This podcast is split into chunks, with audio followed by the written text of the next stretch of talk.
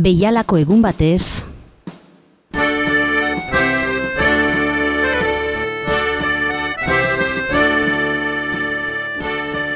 Kaixo, kaixo eta agurterdi entzule lagun.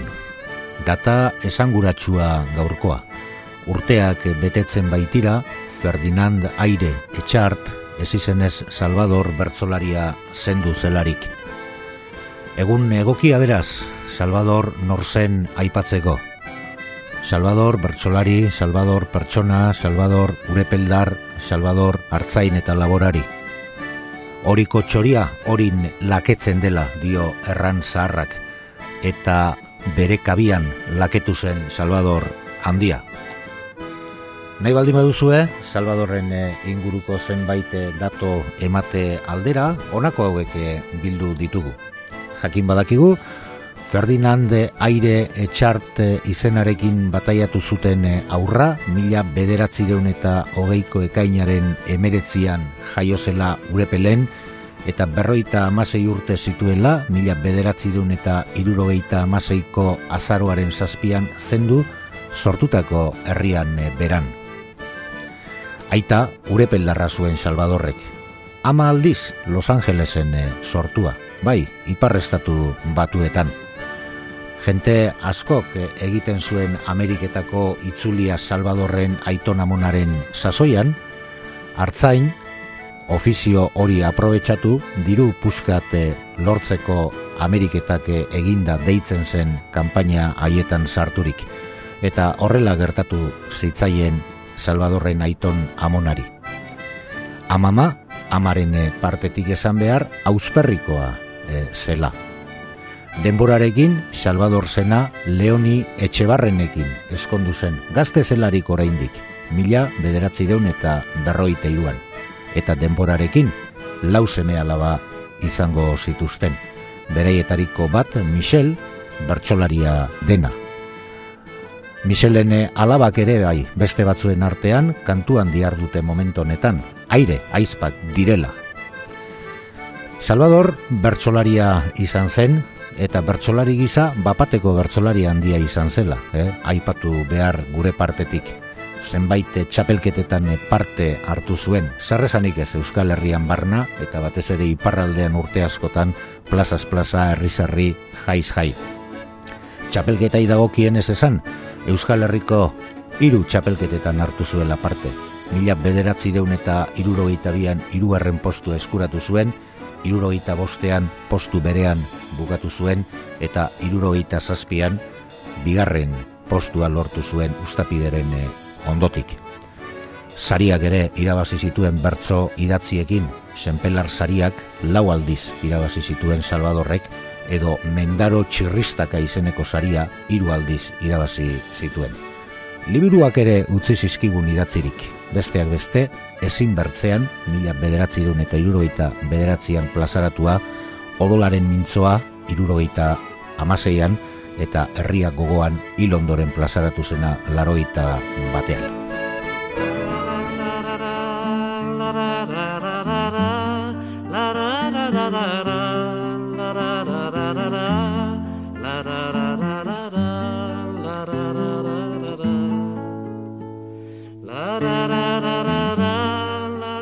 Mikel Laboak berak musikatutako Salvadorren herria eta hizkuntza entzuten e, ari gara lagunok.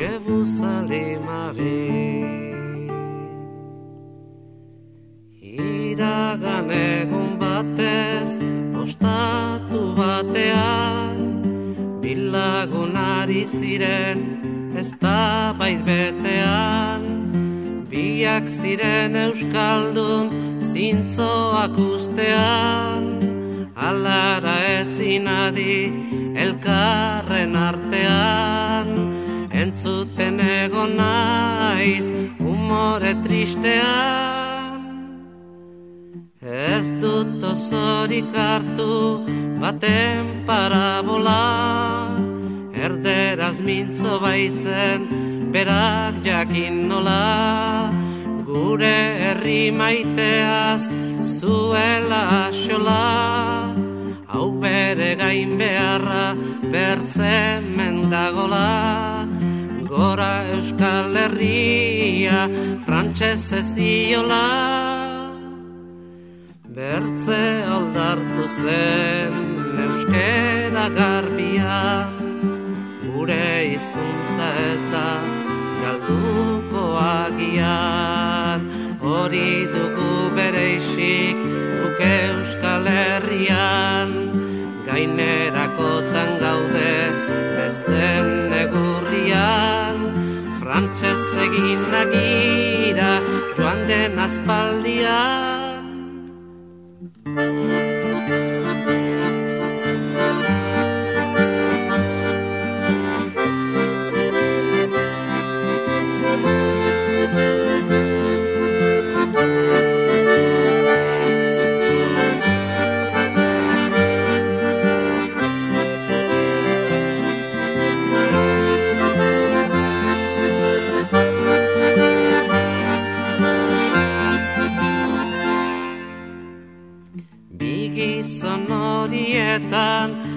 zugaitzonekoa bate kondoa zuen bertzeak ostoa.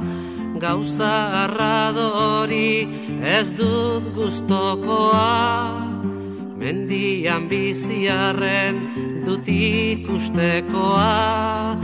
Gaztainaren aldaskez jantziri pagoa Baterria goratzen arrotz baten gisa. Arrotz nahiak berriz herriaren itza Gure aha egindu gaiten garbi mintza. Lainopean bezala galdua gabiltza.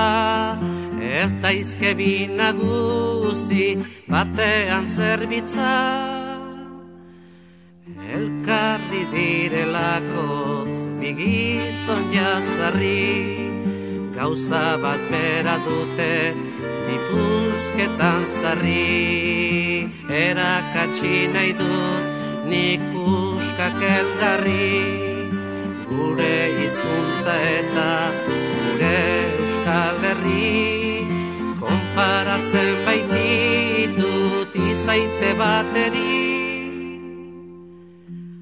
Anai arrebak entzun enea hotxa Izaite bat ez daike ez urutxe zosa. Herria da gorputza izkuntza bihotza. Bertzeti bere istean bitarik bakotxa Izaite horrendako segurra hilotza Arestian entzun dugun Mikel Laboaren e, bersio horretan argi eta garbi geratzen da Salvadorrek ez duela e, euskara saltzeko, bere hizkuntza maitea saltzeko. Are gehiago, keskaturik oso arranguraturik e, agertzen zaigu bertso hauetan euskarak duen egoerarekin, batez ere iparraldeko lurraldeetan eta hori zirraraz e, beterik geratzen da bertso hauen bitartez. Euskal Zaletasuna, Euskaldun zena, Euskaldun izatea, txikitatik datorkio, Salvadorri. Berak, odolaren mintzoan eh, liburuan, aur Euskal Zalea izeneko paragrafe horretan, horrela aipatzen digu. Kontatzen digu nola, umetan, eskolara joan zen eta era berean, katisimara. Astapenean eskola txikira eta katisima txikira. Ondoren, gazte edo nerabe sasoian eskola handira eta katisima handira. Eta begira, zer esaten digun Salvadorrek. Eskola handian aldiz, herrient erdalduna ginuen, Euskararen kontrakoa gainerat, bertze unitzen gisa, aurrak elgarrekin Euskaraz mintzo hauteman orduko gaztigatzen gintuen, baina gainerakoan etzen bat ere jaun ertora baino garratzagoa, zerraiti nintzen beraz katisimarat gogotik joaiten eta eskolarat bortxaz, ni haurek ere gero konprenitu nuen. Jaun ertoraren eta ene artean bazen gauza bat haren karguaren eta ene eginbidearen arteko korropiloa lasatzen zuena. Ura zen gure hizkuntza maitea. Argi eta garbi, Salvadorren Euskal Zaletasuna alde horretatik. Aur denporako kontuekin jarraituz, honako hauek ere kontatzen dizkigu Salvadorrek. Ameka urte inguruan utzi nituen alde bat eskolako aulkiak. Gauza gutxi ikasirik gelditu nintzan, baina etzaut behin ere damutu. Gaur ere nahiago dut, erdaldun jakintxu bat baino, euskaldun ez jakin bat naizen. Irakurtzen, doidoia ikasi nuen, baina horri esker ikasten ahal izan dut munduko zerbait berri. Jainkoak emaiten du hainbeste aholku, urtearen barruan asko heldu zauku, batzuk alaiak eta beste batzu mutu, kukuak primaderan egiten du kuku, biziaren esperantza erakartzen dauku.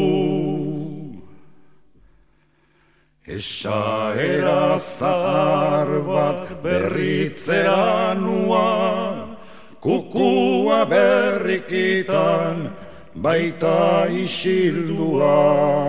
Ez bada akabatzen guretzat mundua, Guareki lan bainan denbora badua. Berri zentzunen da kukuen oiua Askotan ikusi du arbola batean Lagunak ez zituen nahi bakean Uda orzen gainean, ura joaitean, entzunen aldut berriz, eldu den urtean, ez dut gozorik berriz, ura entzun artean. Entzun berri dugun eh, kanta, kukua eta primavera, Salvadorren bertsoa tira, Imanol Larzabalek eta Paco Ibainezen eh, ahotsetan.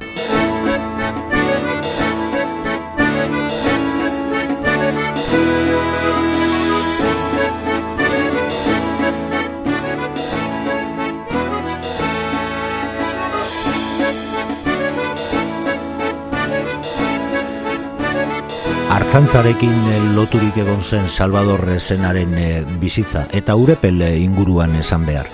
Bertzo zaletasuna ere bertan sartu eta sortu zitzaion. Jakin izan dugunez urepeleko bestetan amasei urte zituela angele zainea ostatuko leiotik kantatu zuen bere lendabiziko bertzoa. Kantu lagunak ere, aipatzen dizkigu berak Salvadorrek.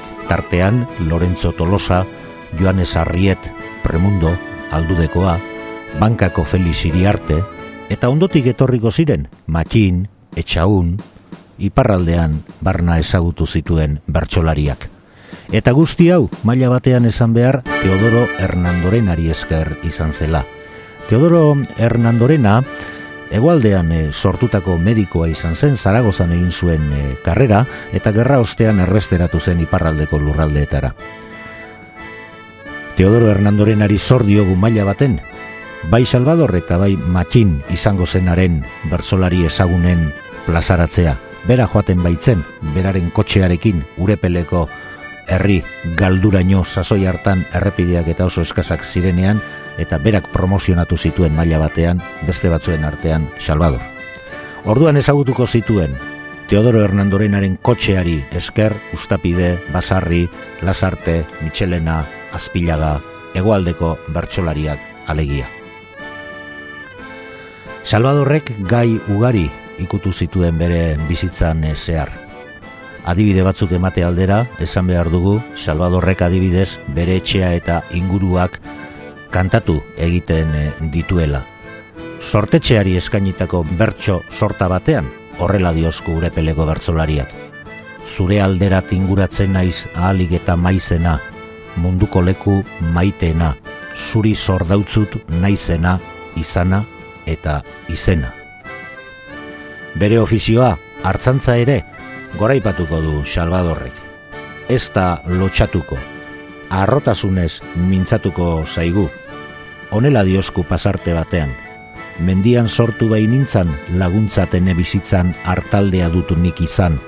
Aur nintzaneko aitakerranik ardiak gobernan itzan, plantatu nintzan hartzaintzan, mundu unetan gabiltzan gizon sumeen langintzan.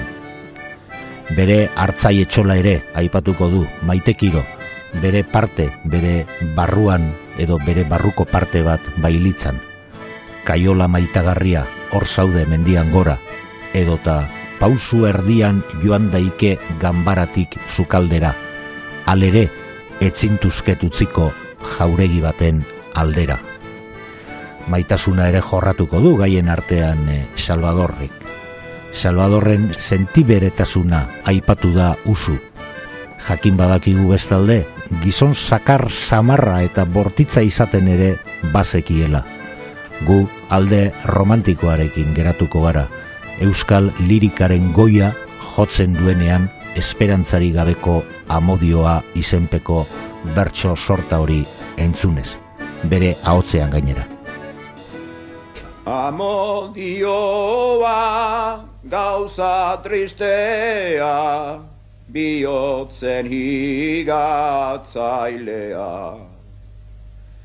Guzi zenea bezala bada, esperantzarik gabea. Gizonaren zat, hau baino malur, haundiagorik badea, ikusten eta ezin eskura, maitatzen duen lorea.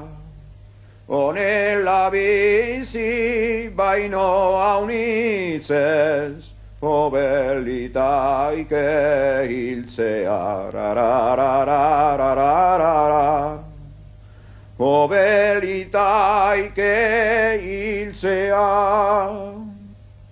Oienko ona zendako bada Egin nauzu hoin maluro Begien biztan izarre derbat, ezarri daita zulako.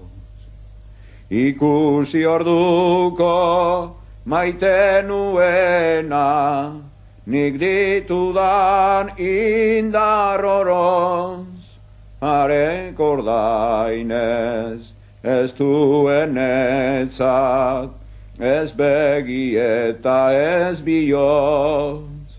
Ne hoiz ikusi izan ez banu, hobeko nuen ondikotz. La la la la, la la la la, hobeko nuen ondikotz.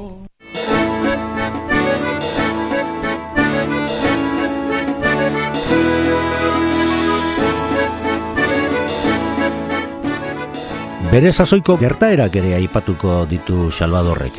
Jakina, bertsolaria ez da martziano estralurtar bat, eh, bere garaiko produktua baizik. Bere gustoak, bere sentimentuak, joerak, ideologia, markaturik eh, utziko ditu. Ona hemen adibide batzuk. Kennedy presidentea hil zuteneko bertso sorta batean horrela esaten digu. Satanen errazko lana izan zela Kennedyren hilketa. George Pompidou, Frantziako presidente eskumakoa ere, eh, aipatuko du eta sentimiento handiz gainera Salvador Senak. Horrela dio pasarte batean. Gizon botere txua ginuen Pompidou, ez dakit zeruko zersari duen bildu, baina zuzena uste zuena egindu. Ederrena izan da bere ehortzea, bildutasun handian zer jende ostea. Munduko kargudunek harturik partea, egun hartan ederzen frantzez izatea.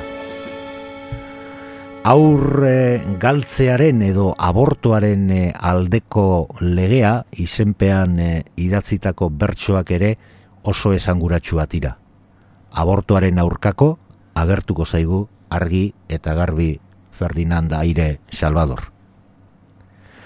Baina bapateko bertzolaria ere izan zen eh, Salvador eta horren adibide gisa ni naiz gaia jarri zioten egun batean zer nolako erantzune eman zion gaiari entzuteko aukera daukagu Xavier Ramuritzaren ahotzean. Gure izakeran desberdina da nolan gauetik eguna, baina bakoitzak ere man behar jainkoak eman diguna. Ni hori nehoiz ezin dut gorde ene aurpegi iluna, Gorputza latza badaukateren bihotza daukat biguna. Asko alditan atsegin garri zuen izan beharrez, Alaiarena egiten dakit maitasunaren indarrez. Bainan barrua goi beldu amaiz mundu juntako gaiz txarrez. Alaia gertzen naizela ere bihotza daukan negarrez. Zuen zorionak posten hauni enaiz gizon bekaiztia. Bainan barnetik senditzen ditut ongia eta gaizkia. Enaiz izar bat hori badakit ez da ere iguzkia. Bainan horrela jarnezazue hori da naizen guztia. Salvadorren bizitzaren inguruko pasadizuekin segitze aldera, aur ba, e, telefonuaren beste aldean asko estimatzen dugun e, laguna dugu, hain du alde da bera. Hain ongi etorri, gure artera. Denetza poz bat. Bueno, Salvadorren inguruan e, ari garela, Ama Euskal Herria Salvadorre jarritako bertsoak zuk eh, musikatu zenituen eh, sasoi batean eta baduzu ba kontakizun polit eta bitxi bat horren eh, inguruan.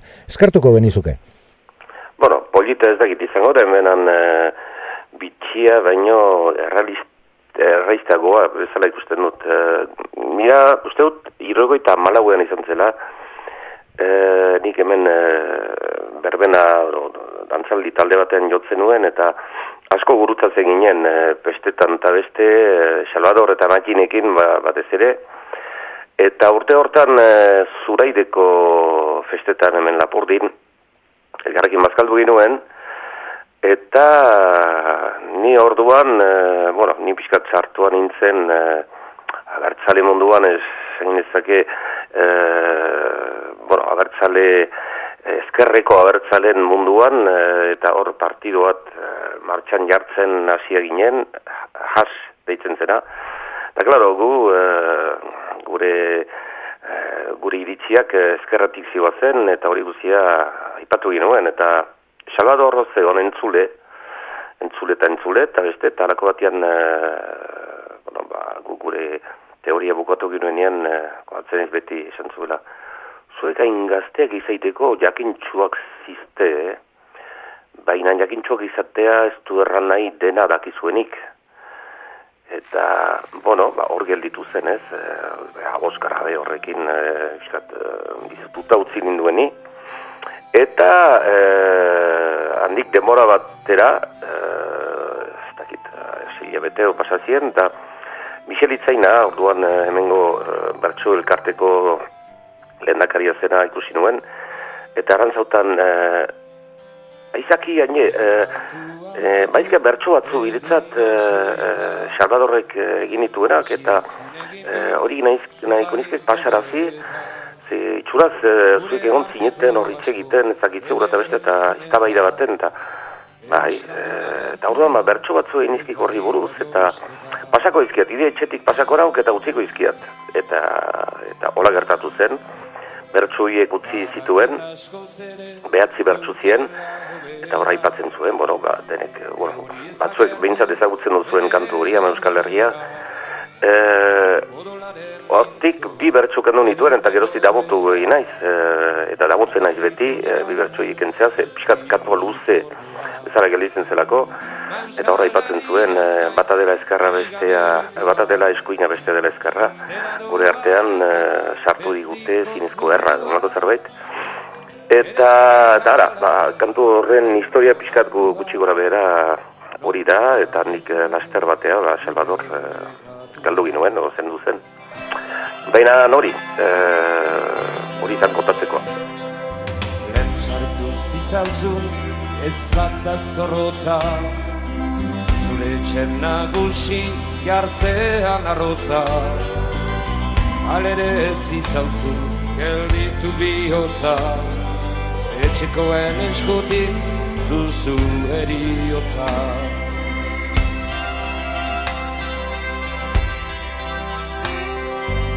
Zure lekua hartu duen andereak.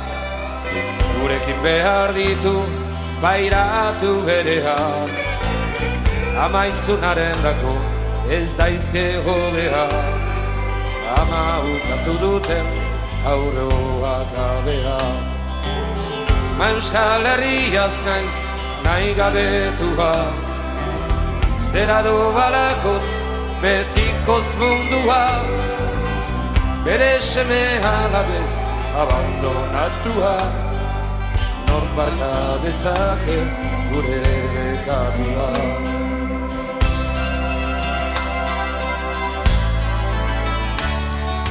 Balitaike semeok noiz baitoroitzea Ama zuganik izan dugula sortzea. Du aurre bilaturik zure horztea Jasan behar dugu gastigu dorpea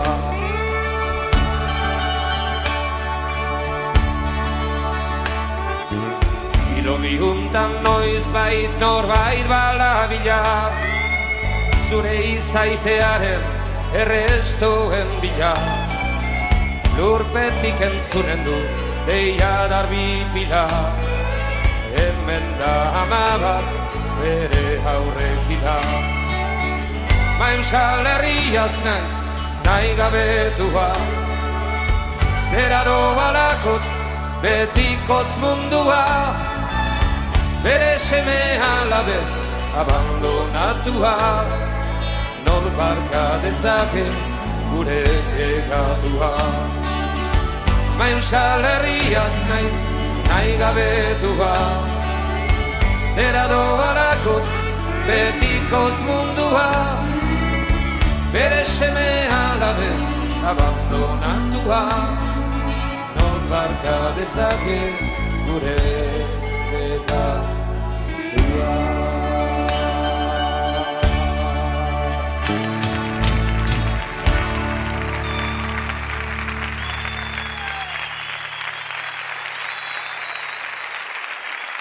Aipatu dugun bezala txapelketetan ere parte hartu izan zuen eh, Salvadorrek eh, Euskal Herriko gerra osteko hiru txapelketa nagusietan.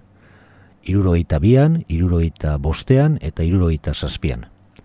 Agian guregana indartsuen, ospetsuen elduden eh, txapelketa iruroita zazpikoa izan zen. Eguna luze joan zen donostian dirudienez egun hartan. Sortzi bertsolari, hartu zuten parte txapelketa horretan eta azkenean buruz bururako bi aukeratu zituzten. Ustapide eta Salvador. Eta aurba egun eh, gogangarri ura kontuan izateko modukoa esan behar katarsirako eguna alde batetik eta inflexio puntua markatu zuena agian eta tesi txiki bat besterik ez da Euskal Herriko bertsolaritzaren historian gertatu izan espasan gertatutakoa agian bertsolaritzak hain indarrandia hartuko zuen edo Salvador hain ezaguna izango ote zen? Ez dakigu zalantza horrekin geratuko gara baina benetan egun trumiltsua izan zela. Hartu du erabakia. Ustapiderekin jokatuko du Salvadorrek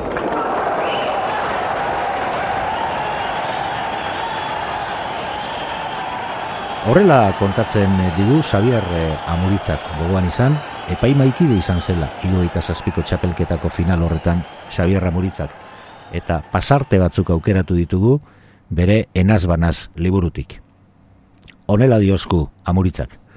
Ustapidegaz txapela jokatzeko Alfonso Irigoienek eh, aurrerako Salvador iragarri ebanean, eromenaren estanda bat izan zen ketan lanbroturik zegoen pilotalekuak basatxakurren kaio landi bat emoten eban, danak uluka eta txistuka. Bertan lintxatuko ote gindu ezen pentsatu bain eban. Irigoienek ustapideri agurra kantatzeko eskatu eutzon, eta honen itzalak jendea izila zoten eban, eta alantxe gertatu zen. Arritu ninduen, eta beti arritu izan nau, ustapidek zelako agur topikoa kantatu eban, ezer gertatzen ari espalitz lez. Arek amaitutakoan, Salvador mikrofonora urreratu zeneko, aurreko estanda indartsuago barritu zen. Salvadorrek pare bat urrats atzerantz egin ebazen, eta antxe jarraitu eban entzuten eta ikusten, bertzolaritzaren historian gertatu den lotxagarririk handiena eta urrengo batean, honela egiten du deskripzioa amuritzak. Salvadorren eta ustapideren arteko buruz burukoa egin zen eta ustapide emon genduen txapeldun. Entzuleek hori zenai eben eta danak posik. Bueltan posik etxeratu nintzen, egun madarikatu batetik libratu izanaren deskargaz. Salvadorren eban pertsonalki ezagutzen, aregaz egindako lehen berbak, amar urte geroago izango ziren laskao txikiren omenaldian. Da mugizako zerbait erakusten du Xabier Ramuritzak bere pasarte horietan, eta gero luze joko liguke, baina Salvadorrek eta Ustapidek jokatutako azken buruz buruko horren azterketa zehatza egiten du etxanoko bertzolariak, eta argi eta garbi esaten du Salvadorrek ikaragarri abantaila ateraziola Ustapideri, eta Salvadorrek merezi zuela diferentziaz gainera iruita zazpiko txapela jastea. Txapela jantzi gabe joan zitzaigun aldiz. Salvador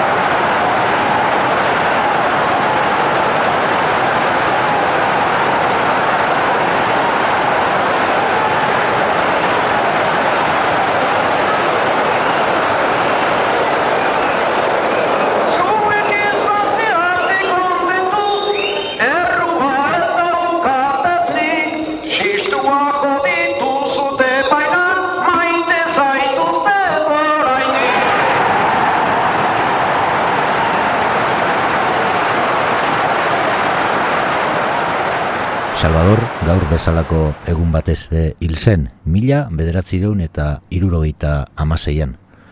Eta horrelago bertzolari handien e, bizitzan beti dago tragediaren punto argi bat, ezin iskutua dena. Salvador bere herrian urepelen e, hil zen. Berari egiten zitzaion omenaldi egun batean gainera, gaizki sentitu zen bapatean, eta bihotzekoak e, jota bere bihotzak ezin izan zuen hainbeste emozio jasan eta bertan zerraldo geratu zen. Sasoi batean, txirritazenak ere, aipatu zuen, nire aipamenak izango dira beste larogei urtian. Salvadorrek ez zuen horrelakorik aipatu, baina bere aipamenak izango dira ziur gaude beste larogei urtian ere bai.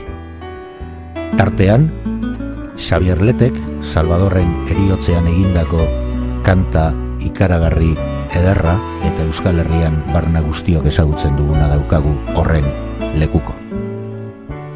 Adiskide bat bazen Oro askotan bihotz bera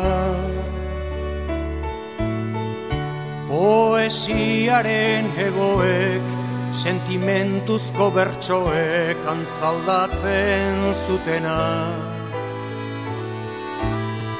Plazetako kantari Bakardadez josia.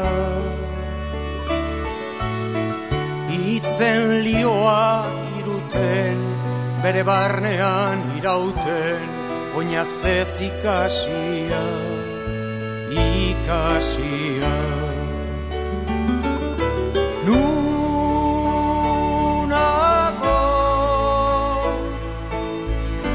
Zer larretan Ure peleko hartzaina.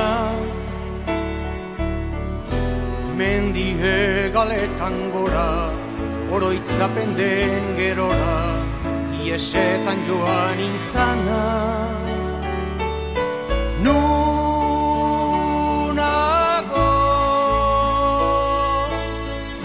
Zer larretan Ure peleko hartzaina Mendie galetan gora Oroitzapen den gerora Iesetan joan intzana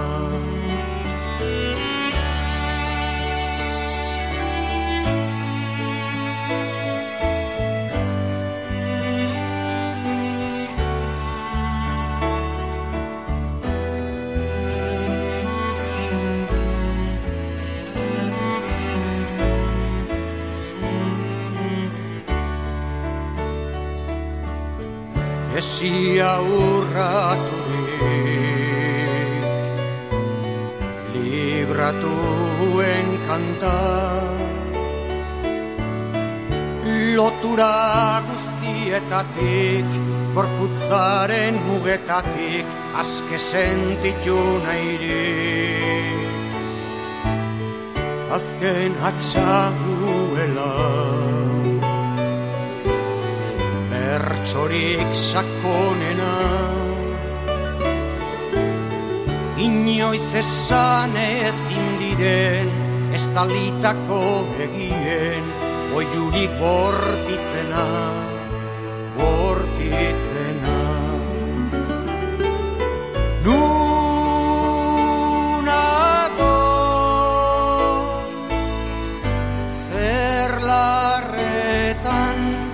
Ure peleko hartzaina Mendie galetan gora Oroitzapen den gerora Iesetan joan intzana Nunago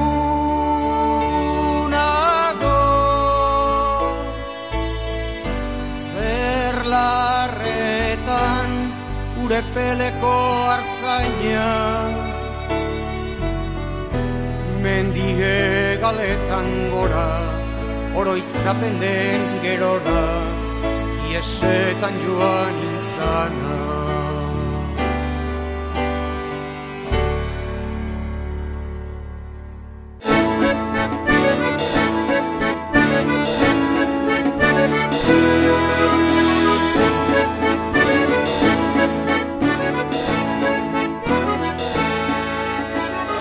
Gauza asko geratu zaizkigu eh, Salvadorren inguruan esateko luze luzegi joko liguke historia guzti horrek eh? gaurkoak balio beza pixka bat testigantza eta omenaldi zume gisa gure partetik eh, behintzat.